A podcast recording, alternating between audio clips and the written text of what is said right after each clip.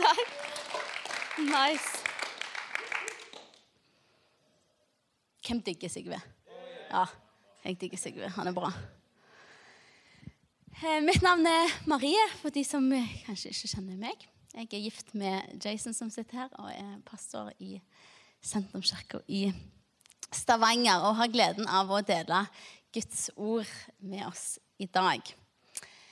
Og Den store overskriften for Sentrumskirka i 2019, det har du kanskje fått med deg, det er kjærlighet. Kjærlighet. Kanskje du tenker ikke det er litt klisjé? Klisjé av ei kirke å snakke om kjærlighet. Og jo, kanskje, kanskje det er litt klisjé. Per Eivind snakket om det når han talte første gudstjenesten i år i Sandnes, at det er jo egentlig litt klisjé. Men hvordan blir egentlig en klisjé til? Det er jo noe i det som griper oss. Det er noe i det som er viktig, det er noe i det som vi liker. Og derfor blir det gjentatt om igjen og om igjen. Det er noe i det som vi kanskje lengter litt etter når vi jager etter. Og derfor tid etter tid går vi tilbake til det. Bare sjekk ut denne videoen. ok, En video full av eh, romantiske klisjeer. Jeg vet ikke hva du tenker eller føler når du ser dette. Kanskje brang det opp gode følelser i deg. Kanskje en eh, følelse av forelskelse. Kanskje en leng lengsel etter forelskelse. Kanskje litt dumme følelser. Eller kanskje du tenkte på den du er glad i, eller den du er gift med, den du er kjæreste med, eller den du ønsker å være kjæreste med, og tenkte hmm, kjærlighet. Men hva er egentlig kjærlighet? Er det det vi så på disse forskjellige videoene? Hva er det egentlig? Hva betyr egentlig ordet kjærlighet? Vi lever i en tid og vi lever i en kultur som har tatt dette ordet og det begrepet og putta et innhold i det som mange bare aksepterer uten å egentlig tenke over det. For hva er egentlig kjærlighet? Man hører at man Å, kjærlighet med første blikk. Kjærligheten, den kom, og kjærligheten, den tok slutt. Jeg falt inn i kjærlighet, jeg falt ut av kjærlighet. Jeg elsker deg. Men så elsker jeg òg pizza. McDonald's, I'm loving it. Really? Jeg elsker deg, jeg elsker deg. I love you. Jeg elsker sokkene mine. Jeg elsker deg. jeg elsker det, men så elsker jeg òg deg. Hva er egentlig kjærlighet? Johannes skriver at Gud er kjærlighet. Ikke bare at Gud har kjærlighet, han gir kjærlighet, han gjør kjærlighet, men at Gud er kjærlighet. Gud er kjærlighet. Derfor er kjærlighet i kjernen av vår kristne tro. Det står som bakteppe hele vårt kristne liv. Kjærlighet. Gud er kjærlighet. Vår bønn for oss som kirke dette året det er at vi skal få se, at vi skal forstå, at vi skal få oppleve, at vi skal få utforske, at vi skal få leve i og leve ut enda mer av denne kjærligheten. Som pastor og som kirkeplanter eller som menighetsengasjert så er det kanskje lett å tenke og se på den første kirka i Det nye testamentet, som vi leser om i Apostlenes gjerninger, og tenke på den kirka som et forbilde. Åh, hvis det var ei kirke, så var det sånn Da var det de, liksom. De så masse vekst, de så mirakler, de så under. Det var ei kirke som var bedre enn alle andre. Så ei kirke var sånn mm, topp, liksom på topp ti-lista, så lå de liksom nummer én. Så var det på en måte den. Og så er det kanskje lett å tenke at ja, det var suksess. Det var at de ville være best, at de skulle være kulest. At det var det som måte drev de. Det var det som drev de til å bygge en sunn og stor og god kirke. Og kanskje lett å tenke litt sånn nå i dag òg. At ja, åh, vi vil være en vi vil være svære kirker, Vi vil være kule kirker. Vi skal ha den beste lovsangen, vi skal ha de beste talene. Vi skal se best ut. Det vi gjør, det skal være, å, det skal være feilfritt. Det skal være knirkefritt. Alt skal være liksom amazing. For vi skal være best. Og så er det kanskje den, å, denne driven etter at vi skal være best, suksessen så bedriven. Men hvis vi ser nøye på den første kirka, hva var det egentlig som var deres driv? Var det jag etter suksess? Nei. Det var kjærlighet. Det var kjærlighet som drev den første kirka. Kjærlighet først og fremst til Gud, og så til hverandre. Det var kjærlighet som drev dem. Hva driver oss? Hva driver deg? Hvorfor våkner du en mandag morgen og går på jobb? Hva driver deg til å gjøre det? Hva driver deg til å komme hjem? Hvis du studerer eller går på skole, hva driver deg til å jobbe hardt og få gode karakterer? Hva driver oss? Den første kirka var drevet av kjærlighet. Og vår bønn er at vi skal være kirke. At vi skal være et folk som er drevet først og fremst av kjærlighet. Kjærlighet til Gud, kjærlighet til hverandre og kjærlighet til de rundt oss. Meg og Jason har i februar vært kjærester i ti år. I know, I know. Vi har kjent hverandre i litt over elleve. Um, og når vi ble kjærester, vi bodde i Australia så når vi ble kjærester, så ønsket vi at um, vi ønsker å leve livet vårt til ære for Gud. Vi ønsker at vi vil gjøre ting Guds måte, ikke vår måte. og Derfor satte vi noen rammer rundt forholdet vårt når vi begynte å date. Si sånn. Eller noen grenser rundt forholdet. Og En av de var at eh, hvis vi var alene på kvelden, eh, så skulle vi ikke være sammen lenger enn til klokka 11 på kvelden. Eh, for du vet at etter klokka 11, da blir det romantisk. Etter klokka 11, da, da, blir det, da, var det, da var det bra. Etter klokka 11, da kommer stjernene ut. Månen begynner å skinne. Romantisk musikk kommer på. Så vi som to voksne mennesker bestemte oss for at det kan vi ikke. Kan være sammen etter klokken 11. Men vi bodde jo i Sydney, vi bodde i en stor by. Vi studerte begge to, jobbet og var veldig engasjert i menighet. Så mange uker var det fire kvelder ut fra uken som vi var opptatt. Så av og til så tenkte vi ok, men det må vel være en i alle regler så må det være et lite smutthull. Det må vel være en liten ting. For eksempel, tenk hvis vi er i Sydney, tenk hvis vi er nede med havnen, og så er vi på kaien, og så møter vi liksom eieren av den største båten. Og han spør, å, vil du være med på båten. Så går han bort til båten, og der står liksom Hugh Jackman og Nicole Kidman. Og de er sånn Kom an, bli med oss på båttur. Men vi er sånn Klokka er ti, og Altså Hvis vi skal komme hjem til klokka elleve, så har vi ikke tid til det.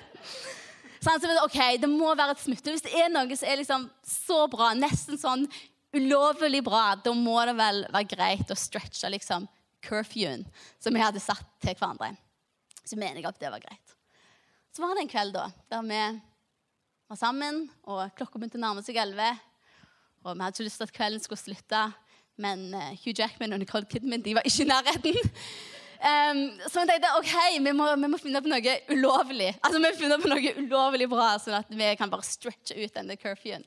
Um, så vi satte i bilen og kjørte til et nabolag som var altså Dette var liksom all time nabolag uh, i Sydney. Utrolig rike folk som bodde der. Det var fullt med sånn mega mansions. For Vi hadde alltid lyst til å liksom se hvordan ser det egentlig ut se, hva har de egentlig i hagen sin? Og hvordan ser det ut bak der? Så vi kjørte opp, fant liksom det fineste huset. Og et gjerde som var på en måte lavt nok, sånn at vi hadde klart liksom å få hverandre over, men liksom høyt nok, sånn at vi visste at det som var bak, det må jo være veldig bra. Um, så eh, vi gikk opp til huset og hoppet over.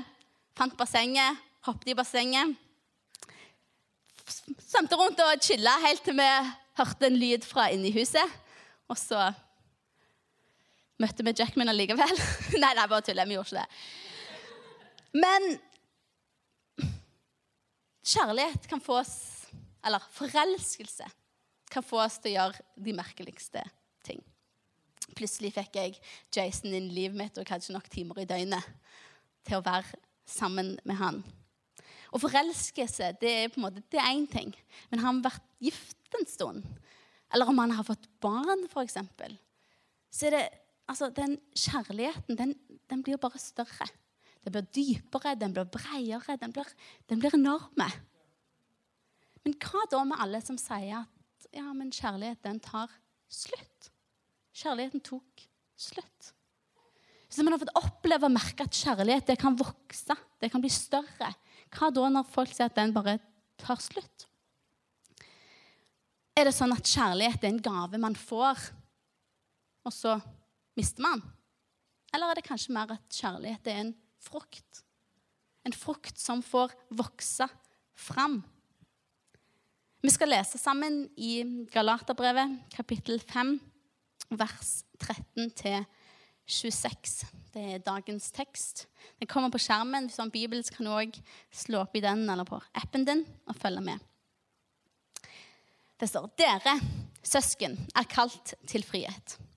La bare ikke friheten bli et påskudd for det som kjøtt og blod vil, men tjen hverandre i kjærlighet. For hele loven blir oppfylt i dette ene budet. Du skal elske de neste som deg selv. Men når dere biter og glefser etter hverandre, så pass dere, så dere ikke eter hverandre opp. Jeg sier dere, lev et liv i ånden. Da følger dere ikke begjæret i menneskets kjøtt og blod. For kjøttets begjær står imot ånden, og åndens begjær står imot kjøttet. Disse ting ligger i strid med hverandre, så dere ikke kan gjøre det dere vil. Det er en kamp i oss i hvert et menneske. Mellom det kjøttet vil, mellom kjøttets begjær og det som ånden vil. Det som er åndens liv. De står i kamp mot hverandre. Men blir dere drevet av ånden, er dere ikke under loven. Det er klart hva slags gjerninger som kommer fra kjøttet. Hor, umoral, utskeielser, avgudsdyrkelse, trolldom, fiendskap, strid, sjalusi, sinne, selvhevdelse, stridigheter, splittelse, splittelser, misunnelse, full festing og mer av samme slag. Høres nesten ut som en serie på HBO. Det ser jeg ikke på, forresten. Nei da. Jeg har, sagt, jeg har sagt det før, og jeg sier det igjen. De som driver med slik, skal ikke erve Guds rike.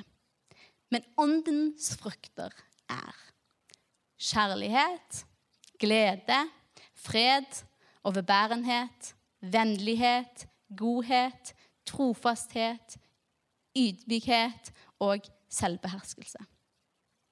Slike ting rammes ikke av loven. De som hører Kristus til, har korsfestet kjøttet med dets lidenskaper og begjær. Lever vi ved Ånden, la oss også vandre i Ånden. Kjærlighet det er en frukt av Ånden. Det er en åndelig frukt. Ikke en gave fra Ånden. Den hellige ånd gir oss òg gaver. Men det er en frukt. Det er ikke en gave som er, Å ja, du, du har fått en spesiell gave, og det er kjærlighet. Du har fått kjærlighetsgaven til å elske folk, elske mennesker. Nei, det er en, det er en frukt. Ikke en gave, men en frukt. Og hvordan kjennetegner man noen som lever i ånden? Jo, kjærlighet. Hvordan kjennetegner et liv som leves i ånden og ved ånden? Kjærlighet. Jeg vet ikke om du har noen gang tenkt på hvordan, hva som kjennetegner en kristen. Eller kanskje snakket med venner eller kolleger. Fått inntrykk av ja, hva er det egentlig folk tenker om folk som er kristne. Hva kjennetegner en kristen? Og det triste med det er jo at det er så utrolig mange forskjellige svar. Noen vil kjennetegne en kristen som ja, en kristen det er noen som lever av lover og regler. Det er de som er avholdne. Det er de som ikke har sex før de gifter seg. Kristne det er hyklere. De som tror en ting, men gjør noe annet. Kristne er folk med høy moral og verdi. Men hvis man tenker det, hva er det egentlig som burde kjennetegne oss?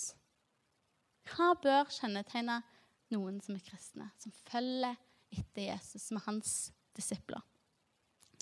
Jesus sa sjøl ved dette skal folk vite at dere er mine disipler. At dere elsker hverandre. Ved dette skal folk vite at dere er mine, at dere følger etter meg. At dere elsker hverandre. Hva bør kjennetegne oss som kristne? Jo, kjærlighet.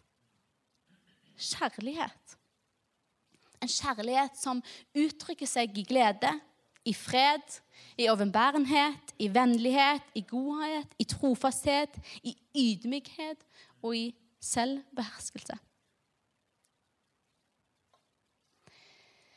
Man kjenner igjen et tre pga. frukten som den bærer. Hva frukt produserer vi i våre liv? Hva frukt produserer jeg? Hva frukt produserer du? Kjærlighet det er noe som produseres når man er planta en plass. Når treet er planta, så bærer det òg frukt. Men det er ikke nok å bare sette et frø i bakken og håpe at det kommer opp, at det bærer tre, og at det bærer frukt. Nei, Man må både tend to the tree. Man må passe på treet. Man passer, først av alt man passe på at det blir satt i rett jord. Så må man passe på at det, det, vannes, at det får næring, at det får sol. Man må passe på at man tar vekk ugress rundt det, sånn at det faktisk får vokse opp. Og så må man beskjære det. Ta vekk greiner som ikke bærer frukt, sånn at det kan få bære mer frukt. Derfor elsker jeg at vi begynner dette året med bønn og faste. Fordi vi får plante oss i rett jord. Vi får plante oss i Gud. Plante oss i kjærlighet. Vi får sette tid til å be, til å lese Bibelen, til lovsynge. Tid til å tenke, tid til refleksjon. Og så får vi la Han gi oss næring. Vi får tid til å ta vekk ugress som kanskje hindrer vår vekst. Og kanskje får vi òg se og forstå at kanskje noe av det som vi ikke har fått til, eller det som ikke gikk som jeg trodde at det skulle gå, det som jeg kanskje trodde at jeg mislyktes At kanskje det var bare en beskjærelse av en grein som ikke bar frukt. Kanskje det faktisk skjedde sånn at jeg kan få bære mer frukt i framtida. Jeg elsker at vi får bruke denne måneden i januar til å sette av tid. Plante oss. Rette vårt fokus på Jesus. Og òg se i oss sjøl hva frukt bærer jeg? Hva ugress har jeg i livet mitt som jeg kanskje skal ta bort? Hva er det som hindrer min vekst? Vi utfordrer hverandre i Link-gruppene denne uken til. Og kanskje er det en vane denne, denne, dette året som jeg har lyst til å begynne. Som kan hjelpe min vekst. Er det, noe, er det en vane jeg skal begynne med? Og er det kanskje en vane jeg har som jeg skal slutte med? Er det noe i livet mitt jeg gjør? Er det noe i livet mitt jeg hører på? Er det noen tanker jeg har? Er det noe jeg ser på? Er det noe, en vane jeg gjør som ikke, ikke hjelper meg til å bære frukt? Ah, kanskje det er tide å luke den bort. Jeg har en um, fylletante, tror du det heter? Altså min mammas uh, barndomsvenninne som har blitt min tante Oddbjørg. Um, hun bor på Østlandet, og når jeg var liten, så bodde hun på en stor gård. Det er sønnen hennes som har tatt over den nå. Og der hadde de en stor eplehage. Og alltid når vi, når var på besøk, så fikk vi alltid med oss liksom esker med epler av tante Oddbjørg. Um, og jeg husker en gang vi gikk på besøk til henne, og jeg hadde litt en forventning om at liksom, For eplehager er utrolig fine. sant? Jeg hadde liksom en forventning om sånn store eplehager, mange mange epletrær og fine trær og fine epler. liksom, Du kan bare gå og plukke, liksom. Og så husker jeg vi kom, og så var det bare liksom, Det var liksom ingen epler. Trærne så stygge. De hadde, de hadde skjært sant? Altså de. Det var liksom kjempestygt. husker jeg tenkte. Men det var jo fordi jeg forsto ikke at de klipte de for at de skulle få bære mer frukt. De klipte de for at frukten skulle bli bedre, at de skulle få mer. Og det tror jeg vi må bli flinkere til i vårt eget liv. Og jeg vet derfor at åh, det har jeg lyst til å bli flinkere til. Åh, bare kutte vekk ting som ikke bærer frukt. Ting som ikke ganger meg noe. Bare bli kvitt det, sånn at jeg kan få bære mer frukt. Jeg tok dette ganske seriøst når jeg gikk på bibelskole. Eh, da var jeg jo litt yngre, så jeg vil tro at jeg har vokst litt i visdom siden det. Um, men jeg var på bibelskole og tok dette sinnssykt seriøst. Jeg fikk en sånn bof, åpenbaring. Sånn, å, sinnssykt seriøst. Jeg ville tatt med alt frukten av hele mitt liv. alle tanker, alt det skal være fra Gud. Så jeg eh, ble kvitt alt som jeg ikke trodde var bra. Så jeg var sånn Ja, jeg, jeg um, Eh, gikk, gikk, ikke på fest, var nesten, liksom, var nesten ikke med folk hvis ikke de, som de ville be å synge Jesus-sanger. Sluttet å høre på alt musikk utenom, lovsang. Så ikke på TV, så ikke på noen ting. Jeg sånn, leste Bibelen som jeg skulle miste den dagen etterpå. Gikk i kirka så absolutt mye jeg kunne. Og jeg var liksom sånn Å, alt, jeg, alt frukten fra mitt liv, det skal være fra Gud. Um, og så ville jeg egentlig at det skulle skje liksom nå. Og helst i går. Um, så jeg ble jo ganske skuffa etter et par dager. For det, det, tar tid. Sant? Det tar tid. Man forventer ikke å plante et eplefrø, og plutselig, plutselig skal det være epler der. Til det man kjøper, liksom, hvis man, sånn, hvis man har veldig lyst på epler veldig fort og går sånn, på en sånn hagesenter og kjøper et eh, tre så sånn, og det, jeg ser jo at det er ett eple der, da får jeg dritmye epler neste år. Eh, du gjør jo ikke det. Det tar tid. Det tar tid å vokse. Frykt det tar tid. Og i vårt eget liv så tar det tid. Vi trenger, hva trenger vi? Vi trenger tålmodighet til prosessen. Tålmodighet til prosessen. Det trengte i hvert fall jeg trenger tid til å luke, til å vanne, til å sitte i stillhet, ta til seg næring. Og så kommer frukten etter hvert. For frukten, den kommer ikke fra oss, men den kommer fra Ånden. Den kommer fra Gud. Ønsker vi at kjærlighet skal få være en frukt i våre liv, da trenger vi å plante oss i Han og ha tålmodighet i prosessen. Den kjærligheten som beskrives i dette bibelverset, er agape ord, ordet for kjærlighet. Det er den største formen for kjærlighet. Den er betingelsesløs. Det er en kjærlighet som er tålmodig, som er velvillig. Den misunner ikke, den skryter ikke, den er ikke hovmodig. Den krever ingenting, den søker ikke sitt eget. Den er ikke oppfarende, den gjemmer ikke på det onde. Den gleder seg ikke over det som er urett, men den finner sin glede i sannhet. Den kjærligheten, den utholder alt. Den tror alt, håper alt og tåler alt. Det er en kjærlighet som aldri slutter. Og denne kjærligheten, den handler ikke først og fremst om meg. Men den har alt å gjøre med deg. Det er ikke en kjærlighet der det handler om at jeg skal få, og jeg skal oppleve, og jeg skal føle. Nei, den, den søker ikke sitt eget. Det handler ikke om meg. Den handler om deg. Jeg trodde jeg hadde kommet ganske langt på veien i mine åndelige frukter før jeg gifta meg med Jason.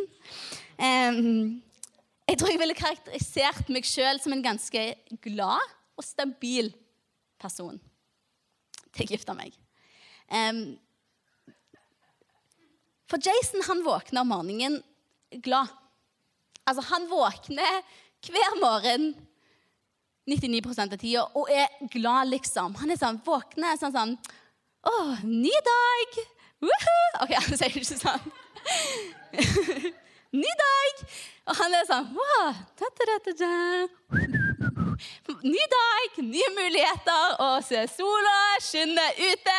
Dette blir en god dag. Og det regner. Fantastisk for alle trær nå. Amazing. Jason våkner sånn. Jeg våkner mer sånn som dette. Åh. 99 av tida. På morgenen så lager som regel Jason kaffe for meg, så jeg kan ha i bilen på vei til jobb. Og det har hendt mer enn én en gang at jeg liksom tar kaffen på vei ut døra, liksom, og idet jeg går ned trappa for å gå ut, så sier liksom Jason Have an excellent day. It's gonna be amazing. Og jeg bare tenker Yeah, right. liksom. Jeg våkner omsider i bilen, og så blir alt bedre. Um, vi har alle en vei å gå. Jeg er ikke der jeg har lyst til å være. Men takk Gud at jeg ikke er der jeg pleide å være. Frukt tar tid. Åndelig frukt det er akkurat som det er frukt. Det trenger tid. Trenger pleie. Og det er ikke noe man plutselig forstår. Det er ikke noe man plutselig får. Og så er man på en måte Å, Ferdig med det. Tsk, tsk. Nei, det er noe vi hele tida må jobbe med. Derfor setter vi oss som kristne gode vaner. Vi setter rytmer i livet, mitt, livet vårt. Vi setter praktiser til troen vår for å hjelpe oss i denne prosessen. Men ofte som kristne så kan vi gjøre disse praktisene om til lov. Det er noe vi må gjøre. Jeg er kristen, derfor må jeg lese Bibelen. Jeg er kristen, så derfor må jeg lovsynge, jeg må gå i kirka, jeg må gi, og jeg må faste. Men hvis vi tenker sånn, så har vi misforstått alt. For vi må ingenting. Men som kristen har jeg lyst til å bære god frukt. Derfor, derfor leser jeg Bibelen. For det er mat for min sjel. Derfor lovsynger jeg. Derfor priser jeg han. Fordi, hvorfor? Fordi, åh, fordi han først eldste meg. Jeg har lyst til å elske han tilbake. Jeg lovsynger for det løfter perspektivet mitt på å se Jesus. Jeg gir hvorfor? Jo, fordi han har gitt alt til meg. Jeg faster ikke for at jeg skal få mer av Gud, men for at han skal få mer av meg. Jeg går i kirka. Hvorfor? Jo, for da får jeg stå sammen med andre. For vet du hva, det handler ikke om meg, men det handler om deg. Det handler om den som er ved siden av meg. Jeg kommer til kirka ikke først og fremst for meg, for Gud og for den som er ved siden av meg. Jeg sitter i stillhet og hører etter Han for å høre Hans stemme. Fordi når jeg hører Han, så blir livet mitt preget av ham. Det kristne livet det handler om å la Gud få elske oss og elske ham tilbake. Det handler om å bli mer lik ham. Og de åndelige fruktene, det er Gud sin karaktertrekk. Og hjørnesteinen av de, det er kjærlighet. Elske Gud og elske mennesker. I 1. Samuels bokkapittel fra 18 ca. til 20 så leser vi en historie gir oss et ganske godt eksempel på denne type kjærlighet overfor Gud, men òg overfor vårt medmenneske. Og Det er historien om Jonathan og David. Det er ganske vanskelig tid. David han har blitt valgt av Gud til å bli den neste arvingen til Israels trone. Han skal bli konge. David har blitt valgt av Gud. Men Jonathan sin far, Saul, hater dette. Han er konge nå. Og selvfølgelig vil de kanskje at sønnen din skal få bli konge. Men Gud valgte David, og Saul er kjempesinte. Han hater det, og han har lyst til å drepe David. Men Jonathan, han beskytter David. Hans kjærlighet mot David og hans kjærlighet til Gud gjør at han først og fremst ikke prøver å være lojal til et familiemedlem. Han ser kanskje vekk fra sine egne ambisjoner. Kanskje han tenkte som barn at han skulle bli konge. Han ser vekk fra det og viser kjærlighet til Gud og kjærlighet til David. Nydelig historie. Og mennesker menneske som uselfisk kjærlighet. Ah, det handler ikke om meg. Det handler om deg. Hva vil Gud? Hva er Guds vilje? Ja, men Guds vilje, det er jo òg min vilje. Agape kjærlighet er ikke om meg, men om deg. Min drøm er at vi skal få være ei sånn kirke. Et sånt folk. Som lever i ånden og vandrer i ånden. Som ikke er drevet av suksess, men som er drevet av kjærlighet. Og at det ikke skal bare stoppe med denne fasten, som er ferdig neste søndag.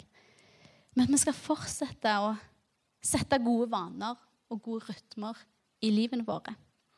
Sånn at vi får produsere gode frukt. Bandet dere kan komme opp. En av mine favoritthistorier i Bibelen finner jeg i Matteus kapittel 9. Og det er bare to vers. Men det er en historie der Jesus han er på vei nær gata. Han er med disiplene sine, og så snakker han med noen. Og så er det ei dame der som bryter loven. Det er ei dame som har blitt egentlig burde vært utestengt fra byen, fra hele samfunnet, for det har vært blødninger i tolv år. Og på den tida burde du vært, vært i isolasjon. Kanskje være rundt folk. Men denne dama har hørt at Jesus er der. Så hun går etter ham.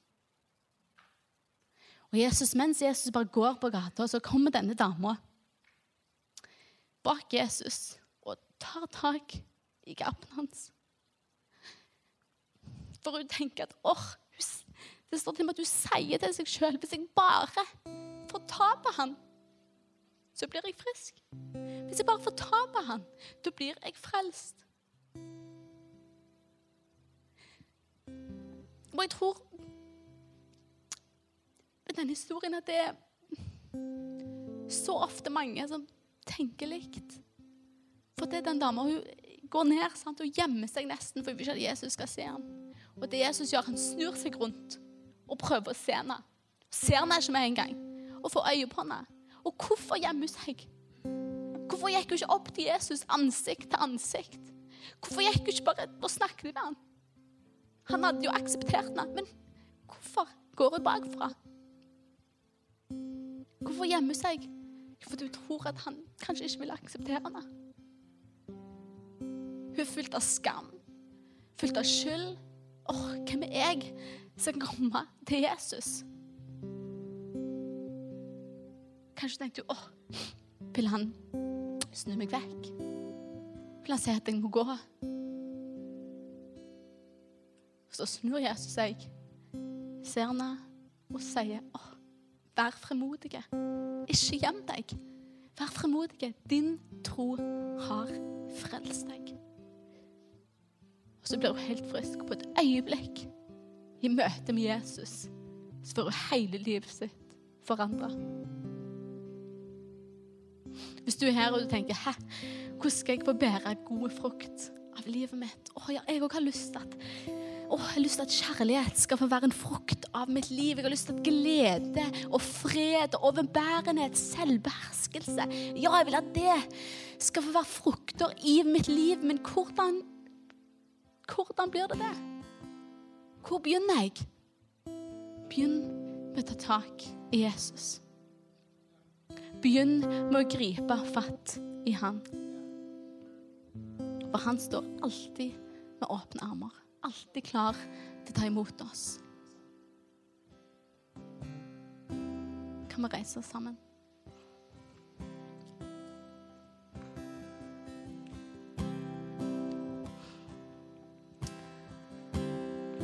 Far, vi takker deg for din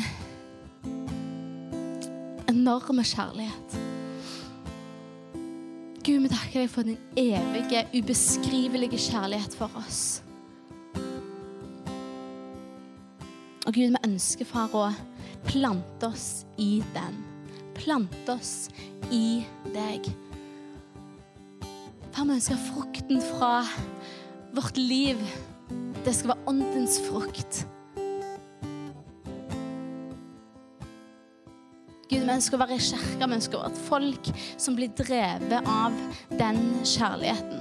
At driven vår ikke skal være suksess eller være store og kule eller whatever, men vi vil bli drevet av din kjærlighet. Kjærlighet, far, til deg. Kjærlighet til hverandre og kjærlighet til alle de rundt oss.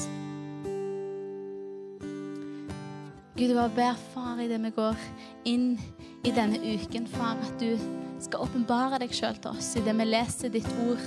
Ber meg at det skal få bli mat for vår sjel. Gud, det vi lovsynger, i det vi hører på lovsang, Gud, at vi skal få løfte våre blikk, løfte vårt perspektiv og se deg. Selv kanskje vi må gå gjennom en vanskelig tid eller har utfordringer. Gud, hjelp oss å se deg. Gud, idet vi sitter i stillhet, i refleksjon, så bare ber jeg Gud at Din Hellige Ånd skal minne oss på ting i våre liv som holder oss borte fra å vokse. Hjelp oss å luke bort ting i livet vårt som ikke er til gagn for oss. Så ber jeg Gud at i det vi sitter i refleksjon og i stillhet, at du skal tale til oss. Sånn at vi blir prega av deg.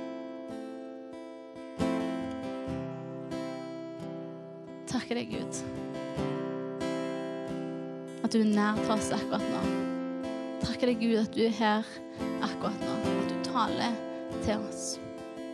Gud, de som trenger å bli minnet på din kjærlighet, jeg bare ber om at du skal fylle dem opp med din kjærlighet, far.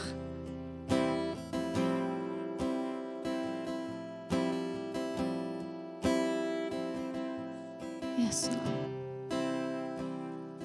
Lovsangsteamet skal lede oss i en sang. Dere kan stå og be der dere står og samtaler med Gud, eller du kan være med og synge denne sangen. Men jeg vil oppfordre deg å la Gud få tale til deg. La Den hellige ånd tale inn i ditt liv og i ditt hjerte.